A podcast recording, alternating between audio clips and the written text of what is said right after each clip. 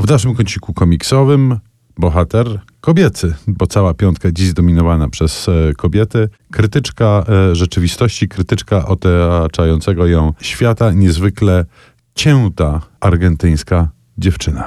Dziewczyna o imieniu Mafalda, właściwie dziewczynka, bo ona ewidentnie młodziutka jest. Jeszcze 30 września tego roku zmarł Kino, wielki rysownik argentyński, autor najsłynniejszego argentyńskiego i latynoskiego i hiszpańskojęzycznego w ogóle komiksu na świecie, czyli właśnie serii o Mafaldzie. I dokładnie tego samego dnia ukazał się w Polsce drugi tom zebranych pasków komiksowych o Mafaldzie właśnie, przetłumaczonych przez Filipa Łobodzińskiego. Znamy ten pierwszy tom już, no mniej więcej pół roku temu się ukazał, no jakoś tam na wczesną wiosnę.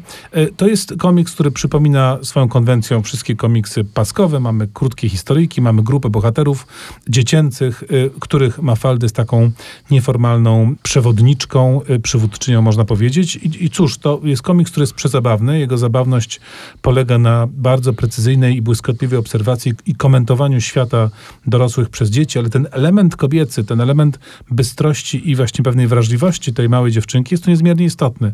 Myślę, że to w sumie jest trochę przygnębiające, y, że jej spostrzeżenia dotyczące sytuacji kobiet, które poczyniła w Argentynie drugiej połowy lat 60. czy latach 70., one są wciąż szalenie aktualne w sporej części świata. Niewiele chyba się jednak pod tym kątem zmieniło.